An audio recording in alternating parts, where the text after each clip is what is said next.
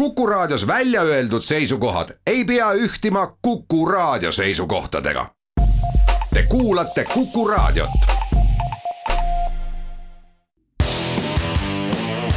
spordireporter. spordis kruvib pinget, Pahv üksteist ja kaheksa minutit on saanud kell, täna on kahe tuhande kahekümne esimese issand aasta juulikuu kuues päev. tere kuulama spordireporterit järjekorranumbriga kakssada kolmteist. kuulama kutsuvad teid Järve Lott, Tallinn, Susi Joosep, samuti Tallinn. Haaksõna spordireporter töötab Twitteris nii nagu ikka, selle kaudu on võimalik meile esitada küsimusi, mõtteid, tähelepanekuid, millele vastamise võtame ette pärastpoole kaheteistkümneseid uudiseid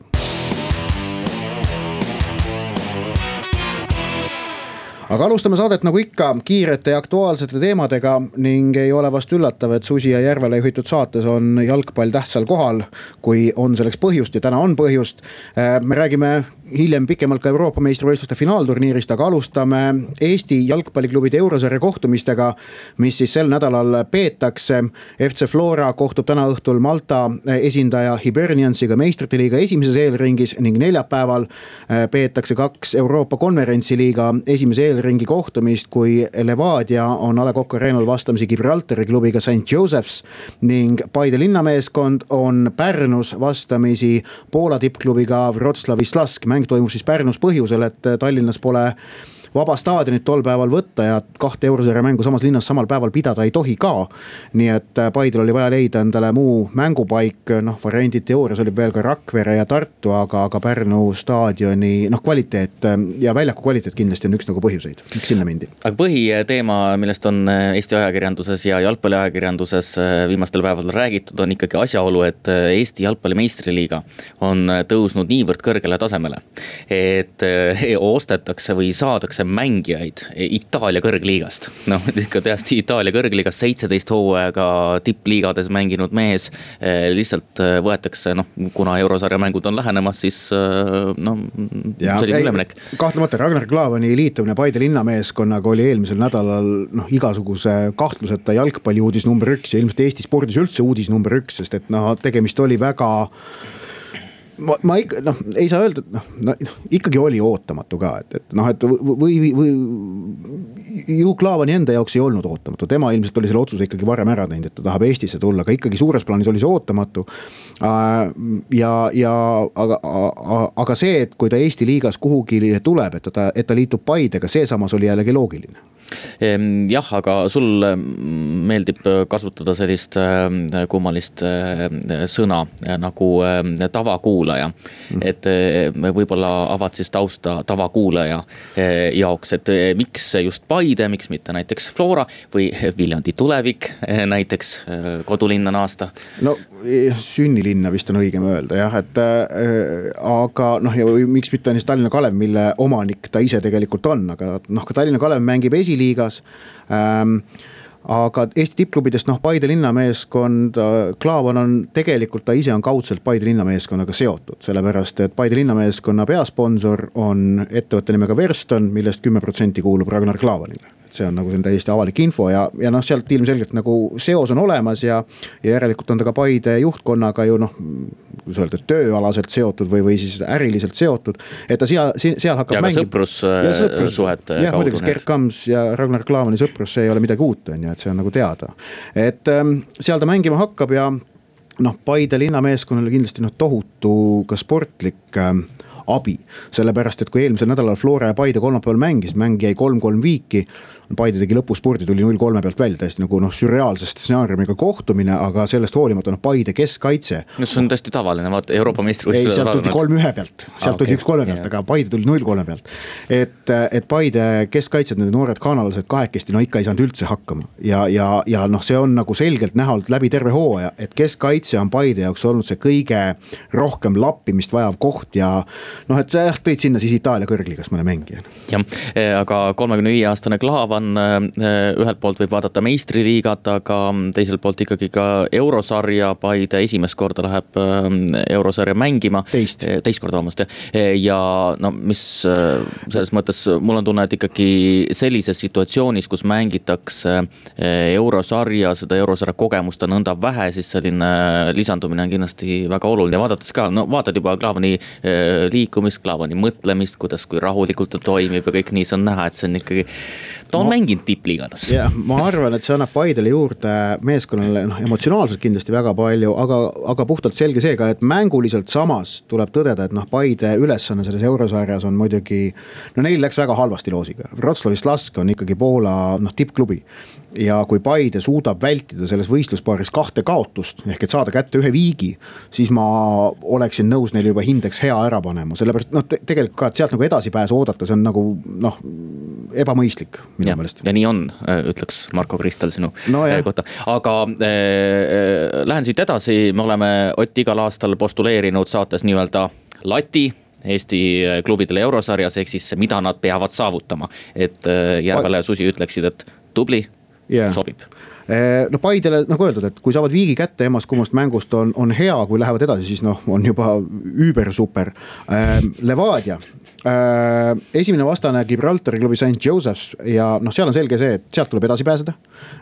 alla selle on kohe põrumine ja teises ringis on neil vastas kas Iirimaa või Walesi klubi ja tegelikult ütleme niimoodi, et noh, täiesti reaalne on ikkagi ka sealt edasi minna, ma usun, et et noh, seal ütleme nii, et, et, et kui nagu teisest eelringist, kui, kui seal teises eelringis kaotatakse või ei pääseta edasi, et noh, sõltub asjaoludest, mis, mis nagu hinne panna, aga tegelikult Levadia latt võiks olla kolmandasse eelringi pääsemine ning Flora puhul esimene vastane Malta vast-, Malta klubi Hibernians, noh see, kuidas ma täna hommikul üheskoos ütlesingi, et see Malta punt tuleb lihtsalt kotti panna. et nagu ja. ei, ei ole nagu, ei ole nagu mingit nagu noh, taganemiskohta. jah, ja kui vaadata äh, uut formaati, meil on see nõndanimetatud äh, konverentsiliiga. ei ta, ei ta on konverentsiliiga. olgu, äh, kui esimene vastane alistatakse, siis kolm šanssi on Floral et pääseda alagrupi turniirile. jah, et siis on, kui, kui, kui sellest Hibernionist jagu saadakse, on tagatud veel kolm äh, mängu, kolm vastast. ja kui ükskõik millisest nendest vastastest jagu saad, on alagrupi turniiril mingis liigas koht kindel. Me pole kunagi nii lähedal tegelikult olnud, vaadates ka Flora koosseisu alagrupi turniiril. jah, aga, aga see on nüüd kõikidel Euroopa väikestel jalgpalliriikidel samasugune šanss nagu Flora. aga Eesti kergejõustikul seisab ees ajalooline periood, nimelt võõrustatakse järjepanu kaht tiitlivõistlust. juba ülehomme algavad U kakskümmend kolm vanuseklassi klassi kergejõustiku Euroopa meistrivõistlused. ja nädal hiljem siis U kakskümmend Euroopa meistrivõistlused ja kui vaadata U kakskümmend kolm Euroopa meistrivõistlusi hakatuseks, siis ühtekokku osaleb kakskümmend üks noorsportlast, neliteist täitis normi. aga ilmselt kõige suurem tähelepanu Eesti sportlaste osas on seotud ühelt poolt Lisanna Ilvesega kaugushüppes ja teiselt poolt Karl-Erik Nazaroviga sprindis. ja et kui nüüd jällegi noh, seda ootushorisonti oleks hea sellise koduse võistluse puhul alati nagu paika sättida, et ei tuleks nagu äh, mingeid pettumusi äh,, mis nagu on põhjendamatud ja vastupidi ka, et, et, et mingeid saavutusi liialt üle ei võimendataks. mul on tunne, et U kakskümmend kolm EM-i puhul on selleks nagu noh, latiks, et kui ikkagi Eesti sportlane on finaalis kaheksa hulgas, siis see on juba ikkagi korralik õnnestumine. Äkki isegi väga korralik nojah, kui vaadata koduseid meistrivõistlusi, siis tundub, et äh, mõlemad mainitud sportlased äh, on äh, näidanud päris head minekut, et me siin vaikselt hellitada võime ka võib-olla natukene kõrgemaid tulemusi. aga kiita tuleb kogu selle asja juures nüüd kindlasti ka Eesti Kergejõustikuliitu, sellepärast et, et, et on võetud vastutus ja noh, haarati kinni võimalusest kaks tiitlivõistlust kahe nädala sees korraldada Kadriorus see on meeldiv ja mulle üldse väga meeldib, et Eesti erinevad juhtivad spordialaliidud on viimastel aastatel väga intensiivselt asunud ikkagi püüdma erinevate võistluste Eestisse toomist, see on hea, äh, see on hea lähenemine ja see väärib kiitust. Aga kergejõustikuga ka jätkame. just. Ning teema number kolm on Rasmus Mägi, sellepärast et eelmisel nädalal kahel teemantliiga etapil saavutas Rasmus Mägi neljanda koha, esmalt neljapäeval Oslol, Oslos äh, ajaga nelikümmend kaheksa, üheksakümmend viis ja siis pühapäeval Stockholmis ajaga nelikümmend kaheksa, kaheksakümmend üks. kui Stockholmis võitis Alisson dos Santos nelja sellise noh, tavapärase neljakümne seitsme, kolmekümne neljaga, siis äh, neljapäeval Oslos osales Rasmus Mägi jooksus, kus sündis maailmarekord. Karsten Varholm nelikümmend kuus, seitsekümmend ja, ja no oli väga vägev jah äh,, parandas siis kaheksateistkümne sajandik sekundiga äh, senist maailmarekordit, mis oli seejuures äh, meeste jooksualade vanim maailmarekord jah, just. Äh, kui ma ei eksi, aastast üheksakümmend kaks. aga kui vaadata mägivõistlusi, siis esiteks kindlasti torkab silma A stabiilsus. kui me vaatame praegu tänavust hooaega laiemalt, siis mägi tulemus on hooaja maailma edetabelis siis, kui vaatame pari parimaid tulemusi kaheteistkümnest, tõsi, seal ees on viis ameeriklast. aga no postuleerime siis kohe, kuna tegemist oli, ma sain Mägi jutust aru, viimase võistlusega enne Tokyo olümpiamänge. siis mis Mägil teha tuleb? no ma ei usu, et ta ise ka rahulduks vähemaga kui kohaga finaalis Tokyos. et, et noh, ja need sellised stabiilsed tulemused, just nimelt see stabiilsus, et ta on jooksnud kõik kuus jooksu viimase poole, viimase kuu aja jooksul on see olnud, olnud nelikümmend kaheksa pool kuni nelikümmend üheksa, seal vahemikus on need tulemused olnud et noh, selline stabiilne vorm on saavutatud, selle pealt noh, ilmselt, ilmselgelt nagu proovitakse selle pealt viia tippvormi ja seda tulemust tõsta. Noh, või ja, ja maailma edetabeli koht ka sinna juurde panna, no on nagu sellise finaali koha. kui see eeldused olemas ja ma ja. arvan, see on, see on nagu normaalne latt talle. ja, ja ma arvan, et äh, finaal on suhteliselt äh, tõenäoline, sest tal tegelikult ka tiitlivõistluse kogemust on, aga seal eesotsas toimub ikkagi hämmastav äh, minek, et Warhol Benjamin, ma arvan, et see maailmarekord tänavusel aastal veel, veel paraneb aga läheme edasi ja natukene ka korvpallist, nimelt esimest korda pärast taasiseseisvumist ei pääsenud Leedu korvpallikoondis olümpiamängudele, kui viimased kaks olümpiat on oldud äh, seal äh, esikümne teises pooles, siis enne seda viiest korrast viis esinelikus viis Euroopa meistrivõistluste medalit taasiseseisvunud Leedul, üks maailmameistrivõistluste medal ja nii edasi, see ja. on äh, soovitan lugeda tänast Õhtulehe artiklit, kus Gerd Kullamäe ja Rauno Pehka selgitavad selle Leedu korvpalli praeguse probleemistiku tagamaid, aga siis Eesti spordisõpradel. tõsi, nüüd olümpiakorvpalliturniiril pole sellist kindlat toetuspunkti, mida Leedu on alati pakkunud, samas see sats, kes Leedu olümpialt kõrvale jättis, on Sloveenia eesotsas Luka Dontšitšiga. ma arvan, temast võib saada olümpiamängude üks staar. jah, nagu üks mu hea tuttav ütles, vaatab taas NBA-d, sest Luka Dontšitš on nagu värske õhk. väike paus ja siis räägime jalgpalli EM-ist spordireporter. spordis kruvib pinget, Pahv kuueteistkümnendad jalgpalli Euroopa meistrivõistlused lõpevad pühapäeval Londonis Wembley staadionil. pidada on jäänud äh, niisiis veel vaid kolm kohtumist. täna õhtuses poolfinaalis kohtuvad Itaalia, Hispaania, homses Inglismaa, Taani et äh, esmalt, kui läheme nüüd eesootavate kohtumiste juurde, räägime natukene sellest, mis siis nädalavahetusel juhtus, kui juht, mängiti veerandfinaalid. ma alustan sellise väitega, et kaheksandikfinaalid olid äh, palju ägedamad, kui olid veerandfinaalid. niimoodi vaadates äh, neid isegi niimoodi tervikuna. tavavaataja seisukohast. aga ma ei mõtle ainult nagu isegi väravate hulga pärast, okei okay,, et see, see eelmise nädala esmaspäev, kui oli noh, Hispaania, Horvaatia ja Prantsusmaa, Šveits mängud, need olid pöörased mängud, see on. see, see päev jääb nagu finaalturniiride ajalukku sellise noh, hullumeelse jalgpallipäevana küll aga ka see, kuidas öelda, see mängude pinge oli minu meelest kaheksandikfinaalides suurem ja veerandfinaalides ma ei näinud säärast nagu niivõrd suurt Äh, pinget ausalt öelda väljakul, seal nagu mängiti noh, juba lõbusamat jalkat. jah, no võiks öelda, et kaheksandikfinaalides äh, oli palju selliseid mänge, kus tõesti selline domineeriv pool vahetus hästi kiiresti, ehk siis äh, mingid mängusituatsioonid muutsid täielikult mängu dünaamikat ja see tõi kaasa ka selliseid ootamatuid tulemusi. aga tõepoolest, et kui teine veerandfinaal päev Ukraina-Inglismaa, Tšehhi-Taani, no seal oli natukene selgem jõudude vahekord mingis mõttes, et Tšehhi suutis Taani vastu küll teise poole alguses natukene aktiivsemalt mängida. aga Taani võit oli teenitud, kaks-üks, Inglismaa mängis Ukraina selgelt üle neli-null. aga ülejäänud kohtumised, no võtaks kõigepealt Re. reede oli ikka äge jah ja,.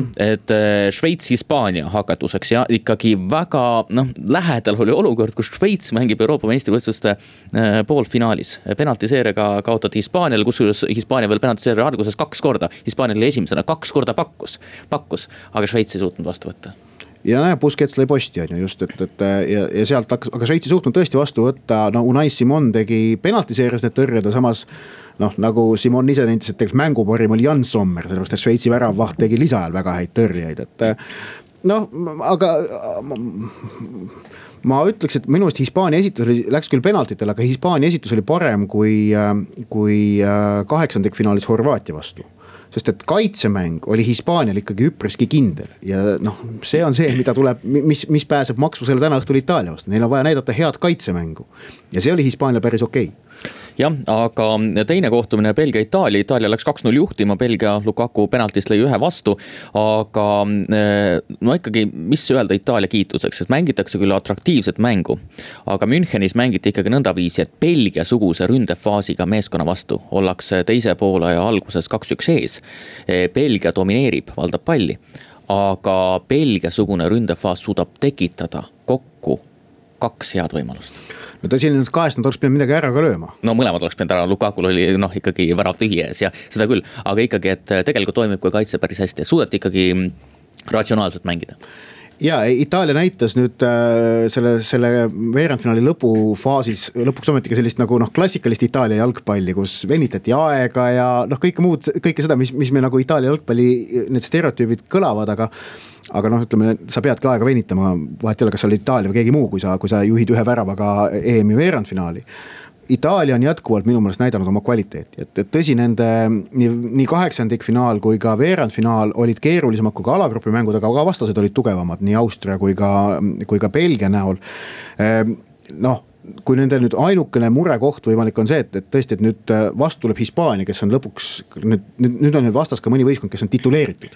et nende senised vastased on olnud ikkagi sellised, no jah, Belgia on küll maailma edetabeli liider, aga Belgia ei ole tituleeritud võistkond ja see, see tegelikult see ikkagi mõjutab sellele mängule mineku sellist meelsust noh, kui ei ole ikkagi vastas sul endine Euroopa või maailmameister, no siis seis on natukene teistmoodi minu meelest. siis on Inglismaa, Taani selge, et inglastel on keeruline, sest vastas, vastas on endine Euroopa meister no, ja taanlastel ei ole. Nad ise on siiski endine maailmameister, et see nagu. Eh, hüva, aga eh, kui vaatame ikkagi aga, täna, täna õhtust mängu Itaalia-Hispaania. Leonardo Spinazzola puudumine on Itaalia jaoks tegelikult ilmselt ikkagi päris suur probleem. ja mitte kaitsefaasist lähtuvalt, et nende vasakkaitsja on puudu, Emerson mängib ilmselt seda vasakkaitset, vaid just nimelt ründefaasis. sellepärast Spinazzola roll rünnakute laiali tõmbamisel, mitmekesistamisel, nendele sellise sihi, jõu ja kiiruse andmisel on olnud väga tähtis. ja, ja nüüd on noh, seda just eh, ma arvan, tänase õhtu, õhtu esimesel poolel eriti on väga huvitav jälgida.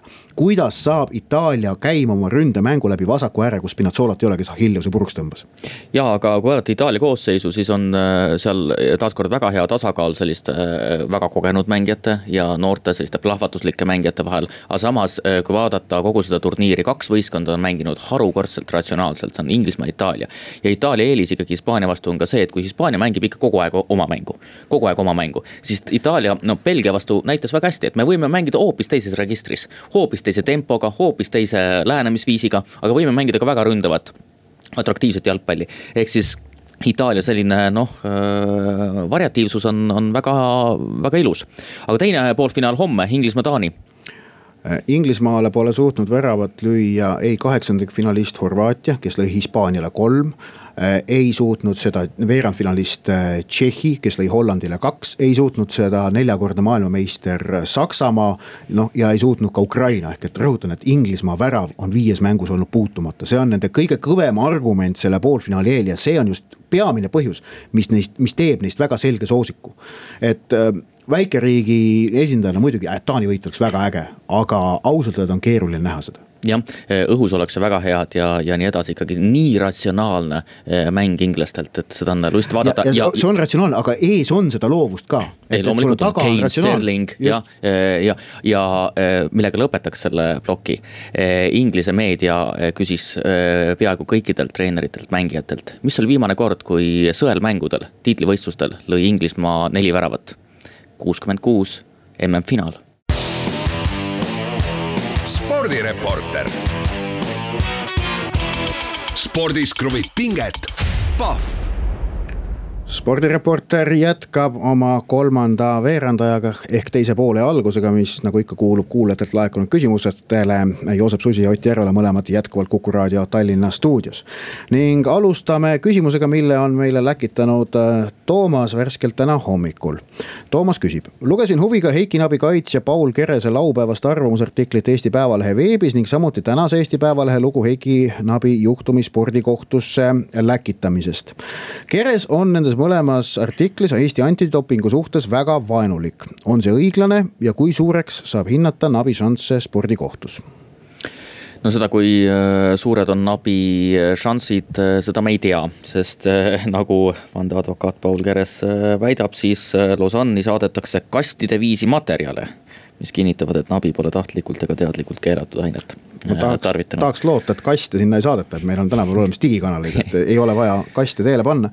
aga noh, selles artiklis tuleb noh, minu, seal salata, et seal nagu kõnekas on asjaolu, et kui, et, et Nabi tiim on otsustanud või Nabi kaitsetiim on otsustanud Eesti antidopingu otsust mitte avaldada. ehk et selle otsuse avaldamine on siis noh, Heiki Nabi äh, enda, enda otsustada, kas ta tahab seda teha või mitte, nad on otsustanud seda mitte teha enne, enne spordikohtusse minekut, aga no, mis puudutas küsimuse seda osa, et, et, et Paul Keres on Eesti antidopingu suhtes väga vaenulik, siis noh, see on nagu mõne, mõneti nagu loogiline, sellepärast et tema kaitsealune on Eesti antidopingu poolt süüdi mõistetud.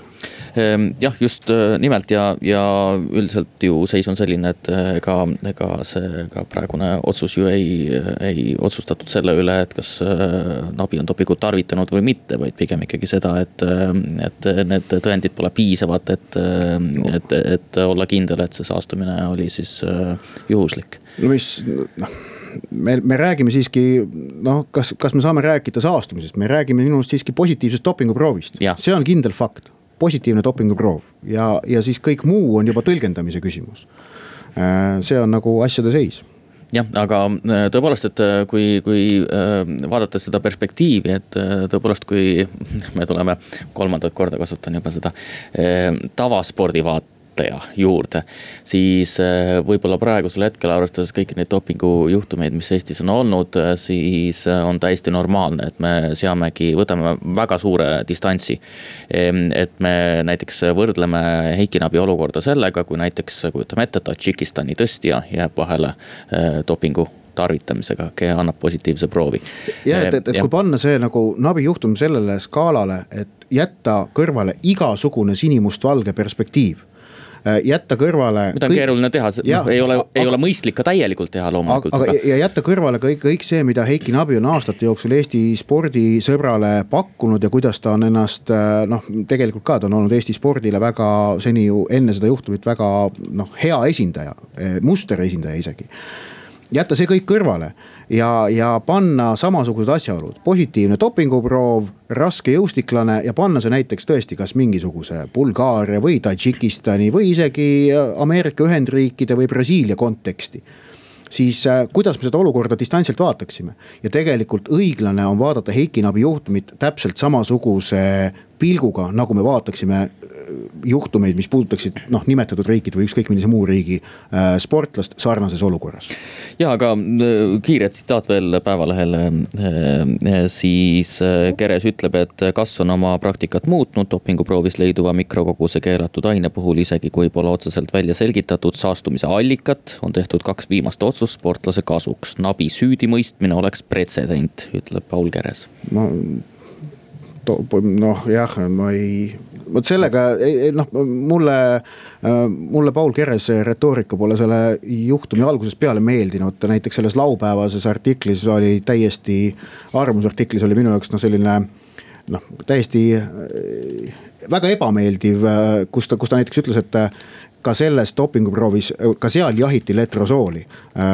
ühe siis, ütles ta seda ühe eelneva nabilt võetud dopinguproovi kohta, no mis on täiesti nagu noh ebapädev minu meelest, sellepärast et äh, igast dopinguproovist, äh, igat dopinguproovi testitakse ju väga mitmete erinevate ainete suhtes, et kui letrosool on keelatud aine, siis on loogiline, et igas dopinguproovis uuritakse, kas see on seal või ei ole seal. samamoodi nagu uuritakse seda ka kõigi teiste keelatud ainete suhtes. ehk et ta proovis luua kuvandit, nagu oleks mingisugune ebaõiglane äh, jaht käinud Heiki Nabi suhtes, mida kahtlemata ei olnud, vaid, vaid antidoping tegi oma tööd.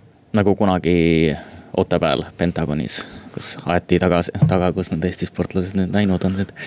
Ehm, Twitteri kasutaja, kui ma õigesti hääldan, siis Mavs Eesti on esitanud küsimuse, miks osaleb korvpalli olümpiaturniiril ainult kaksteist meeskonda, kes on jagatud kolme alagruppi. praegu pääsevad veerandfinaali iga alagrupi kaks paremat, pluss kaks edukamat kolmanda koha meeskonda. aga kas ei oleks parem, kui osaleks kuusteist meeskonda, kes oleksid jaotatud nelja alagruppi, kust igaühest pääsevad kaks paremat veerandfinaali ja kindlasti oleks parem, aga see tähendaks seda, et olümpiaturniiril peaks osalema kaheteistkümne meeskonna asemel kuusteist meeskonda. olümpiamängudel kõikidel spordialadel on sportlaste arv rangelt piiritletud ning, ning äh, igasuguse lisakoha hankimine on väga-väga keeruline, sellepärast et kokkuvõttes sportlaste arvu olümpiamängudel rahvusvaheline olümpiakomitee ei saa ega taha enam tõsta. ja sellepärast ongi kõikidel võistkonnaaladel, välja arvatud jalgpall, on osalejaid äh, kaksteist koondist ning äh, tõsi on küll see, et korvpall muutis nüüd Tokyo olümpiamängude eel enda võistlussüsteemi. et kui me näeme võrkpallis, käsipallis, samuti maahokis ja veepallis. on, äh, on võistlussüsteem see, et kaksteist võistkonda on jaotatud äh, kahte alagruppi, nii meeste kui naiste seas. ja kust siis neli paremat pääsevad veerandfinaali siis korvpall läks nüüd jah Tokyo eel teisele süsteemile üle. et teevad kolm alagruppi ja kolmandaid kohti hakatakse võrdlema. põhjus, mille siis Rahvusvaheline Korvpalliliit, kes need, selle süsteemi ise nagu paika pani, on siis see, et, et äh, vähendada mängijate koormust äh, praegu on äh, finaliste ja medalimängudele osalejaid ootab kuus mängu. vana süsteemi järgi oleks neid mänge kaheksa ja ilmselt siis see on ka üks vastutulek, mis sooviti teha NBA-le, et, et sealt ei hakkaks tulema mingeid takistusi, et mängijad olümpiale tuleksid mul läks tegelikult mõte uitama, ma ei, ah. ei, ei suutnud üldse jälgida, mis. no, no ühesõnaga mänge on vähem nüüd, selle, selle ja, süsteemiga ja, mänge on vähem, see sportlastele, see on nagu põhjus, miks seda süsteemi muudeti. Äh, aga, aga jah, et teised pallimängud jätkavad vanal moel, nagu olümpiamängudel ikka on olnud aga läheme kolmanda küsimuse juurde, mis on ka puudutab korvpalli, Sander tahab teada. NBA-st pole spordireporterid viimastel nädalatel eriti rääkinud, aga kummale siis ikkagi pöi-, pöialt hoiate, kas Milwaukee Bucksile või Phoenix Sunsile? Eh, no keeruline otsustada, aga ikkagi tähelepanuväärne finaal. Eh, selles mõttes, et Milwaukee ja Phoenix mõlemad liitusid NBA-ga kuuekümne kaheksandal aastal ja kahe peale kokku on võidetud üks eh, NBA meistritiitel. ehk siis Suns ei ole kunagi NBA meistriks tulnud ja see on esimene finaal neil viimase kahekümne kaheksa aasta järel. Milwaukee tuli viiskümmend aastat tagasi NBA meistriks, aga, aga see on esimene finaal neil neljakümne seitsme aastase vahe järel. nii et selles mõttes huvitav äh, vastasseis. Äh, aga jah, kui vaadata äh, Sansi minekut, siis vaadates eelmiseid aastaid, siis nad on äh, teinud järjepanu selliseid negatiivseid statistilisi rekordeid. ehk siis äh, viimased kolm aastat on olnud äh, paiguti väga, väga keerukad. aga kindlasti see, räägitakse väga palju sellisest põhilisest duellist, esiteks ikkagi kolmekümne kuue aastane Chris Paul, kes on üksteist korda olnud allstar meeskonnas, siis esimest korda on finaalis. selline ikkagi suurkuju ja siis Giannis, kelle perekond perekonnanime ma kunagi välja ei häälda. igaks juhuks. Ante Kumpo ei ole või? on jah, äh, aga, ja tema on siis äh, teine selline suurkuju vastasmeeskonnast, nii et ütleme, need kaks, äh, kaks sellist noh, ikkagi ma arvan, et paljudel eurooplastel on mõlemad ka ikkagi väga sümpaatsed olnud. ja, aga ma kardan, et see NBA finaal ausalt öelda minu sellise tähelepanu mm, ja mul, mul ei jagu tähelepanu selle jaoks lihtsalt, sest et praegu ta satub nagu sellel ikka päris ebasobival ajal, kus on mitmed muud väga tähtsad võistlused ka käimas või lõppemas. võimalik, et järgmine nädal äkki jääb natukene aega, eks näis. jah, aga küsimus oli, et kummale äh, pöialt ikkagi äh, hoitakse, siis äh, no mm, midagi peaks ütlema, midagi peaks ütlema ma tahtsin öelda, et Jason Keed mängis Phoenixis, aga ta mängis Milvo Charles Barkley mängis ka Phoenixis. Jah, õige, ütleme Phoenixis. no mina olen sel juhul Paxi poolt muidugi. Ja.. Janek tahab äh,, Janek, Janekilt on ka meil üks küsimus veel. Jah, eh, hiljuti sattusin lugema uudist, et üks Inglise klubi palkas mustanahalise peatreeneri, vaadates aga nii Euroopa meistrivõistlusi kui ka üldse tippliigasid, siis miks on nii, et mustanahalisi mängijaid on väga palju, aga mustanahalisi treenereid peaaegu üldse mitte? No see on küsimus, mille üle eelkõige just Inglismaal on viimastel aastatel üha rohkem räägitud ja pead murtud, otsest vastust ei ole üks, ühel, ühe poole argumendid on siis need, et äh, kuna klubi juhid on reeglina valgenahalised, siis nad alateadlikult ei, äh, ei usalda mustanahalisi peatreenereid. ja vastaspoole argument on siis jällegi see, et, et aga mustanahalised peatreenerid pole saavutanud tulemusi, mille põhjal neid peatreeneriteks palgata ja lõppkokkuvõttes selles küsimuses nagu mingit tõde leida on väga keeruline. Ameerikas äh, NFL-is on olemas selline asi nagu Rooney rule, Rooney reegel, mis käsib siis igal klubil igale vabanenud treeneri kohale äh, kandideerijate seas interv-, intervjueerida vähemalt ühte vähemus, vähem, ühte vähemusi esindavat äh, kandidaati aga, aga jah, et ka selle, selle reegli noh, tõhusus on, on äh, üpris küsitav. jah, aga Inglise jalgpalli kõrgliigas näiteks äh, peatreeneri kohal ilmselt töövestlusi ülearu ei tehta või ei avalikke konkursse mitte. aga tõepoolest Inglismaal siis äh, vähemalt hiljutine statistika oli, et üheksakümmend kaks tippklubi viis mustanahalist treenerit, aga üks põhiline argument ikkagi on selles, et mustanahalised mängijad üldiselt ei näe karjääri valikuna pärast sportlaskarjääri, tippsportlaskarjääri lõppu eh, treeneri ametit. et see on selline noh, stereotüüpne karjäärimudel. nüüd aga teeme pausi, siis kui tagasi tuleme, räägime Eesti olümpiakoondisest. spordireporter. spordis kruvib pinget, Pahv spordireporter alustab oma lõpusirgega ning räägime Tokyo suveolümpiamängudele sõitvast Eesti koondisest. Eesti Olümpiakomitee kinnitas eelmisel nädalal Tokyosse lähetatava delegatsiooni, kuhu kuulub kolmkümmend kolm sportlast neljateistkümnelt spordialalt olgu võrdluseks öeldud, et viis aastat tagasi Rio de Janeiro olümpiamängudel võistles Eesti sportlasi nelikümmend kuus ehk et kolmeteistkümne võrra rohkem. aga spordialasid oli toona esindatud kolmteist ehk ühe võrra vähem.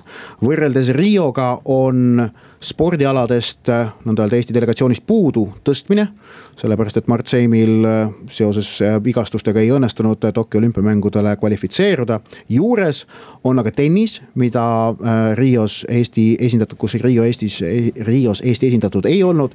ja siis sellise no ma julgen öelda paraja vaimustuse tekitanud ratsutamine, sellepärast et Tiina Ellermanni sinna kvalifitseerumine, see on, see on äge, et Eesti, Eesti ratsutamine esimest korda olümpiale jõudis jah, ja äh, me tahame ikkagi võrrelda äh, siin lähedal olevate äh, riikidega, et näiteks Soome olümpiakoondises on praeguse seisuga nelikümmend seitse sportlast, aga. see on, see on tegelikult ausalt öelda hämmastavalt vähe minu jaoks ja.. Ma... aga alasid kaksteist. mis on ka vähem, vähem veel kui Eestil, eks ole et ja, ja ka see on üllatav, seepärast noh, Soome on ikkagi noh, võrreldes Eestiga, oleme ausad, ikkagi noh, suur spordiriik. ja, ja oleks nagu eeldanud Soomelt noh, vägevamat esindatust, olemata kursis nüanssidega, vaid lihtsalt puht sellise maine põhjalt nagu jah, aga kui vaadata ka paljusid spordi suurriike, Hispaania, Argentiina näiteks, kellega võrdluses Eesti on pidevalt olnud no, medalitabelis eespool. no mis mõttes? Ei no vaadates, kunas Argentiina üldse esimese suveolümpiamängude medali sai ja, ja mm. neil läks ikka kõvasti aega ja kuidas näiteks esimese vabariigi ajal hispaanlased. no räägime ikkagi kaasaegsetest, äh, kaasaegsetest. Äh, nüanssidest, eks ole. jah, aga millele siis tähelepanu pöörata ikkagi äh, olümpiakoondises, kõigepealt võiksime vaadata, kes on need tipptegijad, ehk siis noh, Otile meeldivad protsendid. Ott, Ott ütles, et eh, võtame ette sportlased, kelle medali tõenäosus on vähemalt viis protsenti jah, et see on siis üks kahekümnest vähemalt, aga, aga võib olla ka palju rohkem ja me tuvastasime sellisel, sellise, sellist valiklatti nagu seades ja enda väga subjektiivse ja sageli asjatundmatu, kuigi tegelikult ikkagi noh, loodetavasti asjatundliku. Marko Kristal ütleks, et Otil on alati õigus äh, arvamuse põhjal Eestil kaheksa sellist medali šanssi, mis on vähemalt viie protsendi suurused, need on äh, kümnevõistleja Maicel Uibo, maadleja Epp Mäe, sõudmise neljapaat, Anett Kontaveit tennises, vehklemisnaiskond ning ka kõik kolm individuaalselt äh, turniiril osalevat naisvehklejat. ja ma natukene täpsustaksin võib-olla kergejõustiku osas või kümnevõistluse osas, et äh, ma ütleks, et see viis protsenti, ma äh, ütleks siis, et üks kolmest kümnevõistlejast äh, sõltuvalt ka sellest, kes osaleb, et Jana Kõiglane väike tõenäosus on, et äh, saab peale, selles mõttes, et Johannes Hermann tervisega ka äh, kimpus, et Uibo Tilga siin kaheksa tuhat viissada pluss ja, ja heas. aga siis rõhutame jah, et me nüüd ütleme, et mitte see, et nendel keda me nimetasime, see medali šanss on viis protsenti, vaid et see on siis vähemalt viis protsenti, et, et, ähm, et need. kõige nagu... suurem tõenäosus on Epp Mäel kindlasti. jah, individuaalselt kindlasti, samas vehklemisnaiskond või Epp Mäe, siis seal on ka ilmselt need šansid seal noh, natukene äkki alla viiekümne protsendi, aga, aga. noh, sest maadluses on, on seis ikkagi selline, et, et tegelikult äh, eh, igas kaalus osaleb ainult kuusteist maadlejat, mis tähendab, et äh, isegi kui äh, noh, et kui jah, kui finaali ei jõua äh, noh, siis muidugi tuleb loota, et sinu vastane jõuab finaali, kellele sa kaotasid. aga sel juhul, kui miinusringi pääseda, siis miinusringis on vaja kahte võitu, et olla pronksi võitja. ja et äh, sisuliselt maadluse loogika on selline, et kui sa kaotad finaali jõudnud äh, maadlejal avaringis siis on vaja ühe kaotuse järel üks võit oled pronksi matšis. just. jah, no see on hämmastav, aga, aga kindlasti tegelikult väga heas seisus on, on sõudmine. Eh, vaadates, missugune nende minek on siin eh, kevadel olnud. Eh, ja teiselt poolt ikkagi ma ütleks, et pettumus oleks mingil määral kui maadluses ei tule medalit ja kui vehklemises ei tule medalit. sest vehklemisnaiskonnal on vaja medali noh, matši saamiseks ühte võitu no jaa, medali võitmiseks on vaja saada kaht, kaks, kaks võitu. jah, ja individuaalselt ikkagi noh, Kirpu, Beljajeva, Lehis, no igalt poolt võib, võib, võib tulla põhimõtteliselt. jah, aga võib ka minna nii, et kõik kaotavad esimeses ringis, nagu me teame, sport juba on selline, vahel võidad, vahel kaotad, eks ole aga, aga, aga üks asi veel, mis ma tahtsin võrrelda, et, et kui Rios, Rios oli nelikümmend kuus sportlast ja nüüd Tokyos on kolmkümmend kolm, et milliste spordialade põhjal, pealt on tulnud see põhiline tagasiminek ja seal on nagu kui purjetamises on tulnud väikene tagasiminek, ehk et Tok-, äh, Rios oli viis purjetajat, nüüd Tokyos on, on kaks ja paadiklassidest on siis neljast kaks tagasiminek tulnud mida sa naerad siin? ei, see oli nii tabav eksperthinnang. aga siis kõige suurem tagasiminek on muidugi tulnud kergejõustikus, kus Rios oli kaheksateist kergejõustiklast stardis, aga nüüd Tokyos on seitse. ja see on siis, võib öelda kahest asjast tingitud, et on selge, et noh, näiteks noh, Magnus Kirt on muidugi vigastusega väljas ja, ja on siin veel noh, nii odaviskus kui kettaheitja heitest on tulnud noh, tagasiminek selles mõttes ka. räägitakse, et Kupper võib saada peale või? jah, Kupperil pidavat veel mingi šanss olema saada kutse, äh, aga, aga teine asi on ka see, et kergejõustikus äh, olümpiale kvalifitseerumine ongi muutunud raskemaks ja kergejõustiklasi on olümpial vähem. jah aga kui vaadata, mida võiks soovitada või mida võiks eraldi veel välja tuua, et ütleme, okei okay,, need tipptasemel tegijad kindlasti ütleme, selline minimaalne võimalus on veel mõnel, mõnel sportlasel või kes on lihtsalt huvitav äh, sportlane, kes sinna esikümnesse võiks, võiks tungida, Kangert näiteks, äh, Rasmus Mägi näiteks. Äh, no mine tea, mis Ingrid Puusta võib teha ja, ja nii edasi, aga, aga mitte. ja noh, noh et sulgpallis on ka huvitav, noh sulgpallis on see, et, et kui isegi jah, kõrgeid kohti on seal keeruline loota, aga puhtalt neid matše vaadata, no ikka on huvitav, et, et noh, palju me, palju tavaline televaataja üldse sulgpalli vaatab väljaspool olümpiat, ma arvan eriti mitte nii te ütlesite ise esimest korda, aga, aga, aga mina ütlen, et minu jaoks tipphetked, need, mida ma kindlasti soovitan vaadata. A, laskmine Peeter Olesk. Eh, Eesti laskeväe olümpiamängudel väga tore ja teiselt poolt eh, kindlasti ratsutamine Tiina Ellermann. aga spordiala, mis on visuaalselt väga äge tegelikult vaadata, on kahtlemata vibulaskmine, et väga hea, et väga, väga vahva uudis oli see, et Reena Pärnat ikkagi olümpiamängudele kvalifitseerus ja, ja seal osaleda saab. ja, ja üks asi, mida ma veel siin selle teema lõpetuseks tahan öelda, et, et, et olümpiamängudele jõudmine, kvalifitseerumine on saavutus, et see on nagu, no ma, ma olen seda varem ka rõhutanud, aga see on saavutus, kõik need kolmkümmend kolm sportlast, kes Eestit olümpiamängudel esindavad, on teinud midagi vägevat ja see on vahva, aga nüüd on meil jõud käes aeg soovituste juures, mina soovitan nädalavahetusel vaadata kergejõustiku kakskümmend kolm EM-i Kadriorus, jälgida seda kas siis telekast või minna koha peale. mina soovitan, üksteist juuli, üksteist juuli, kõik teavad loomulikult Wimbledoni tenniseturniiri finaal, kus mängib ka kolmekümne üheksa aastane Roger Federer, loodetavasti. no ma loodan ka seda, ma ausalt loodan seda, aga meie saadet jääb lõpetama. Lightning Seedsi kuulus laul Football is coming home, sellepärast et äh, ei tea, kas Inglismaa koondis jõuab finaali või mitte, see selgub homme, aga need kõik mängud, mis on alles jäänud, toimuvad Inglismaal Wembley staadionil, mis on jalgpalli sünnimaa, suurkodu. so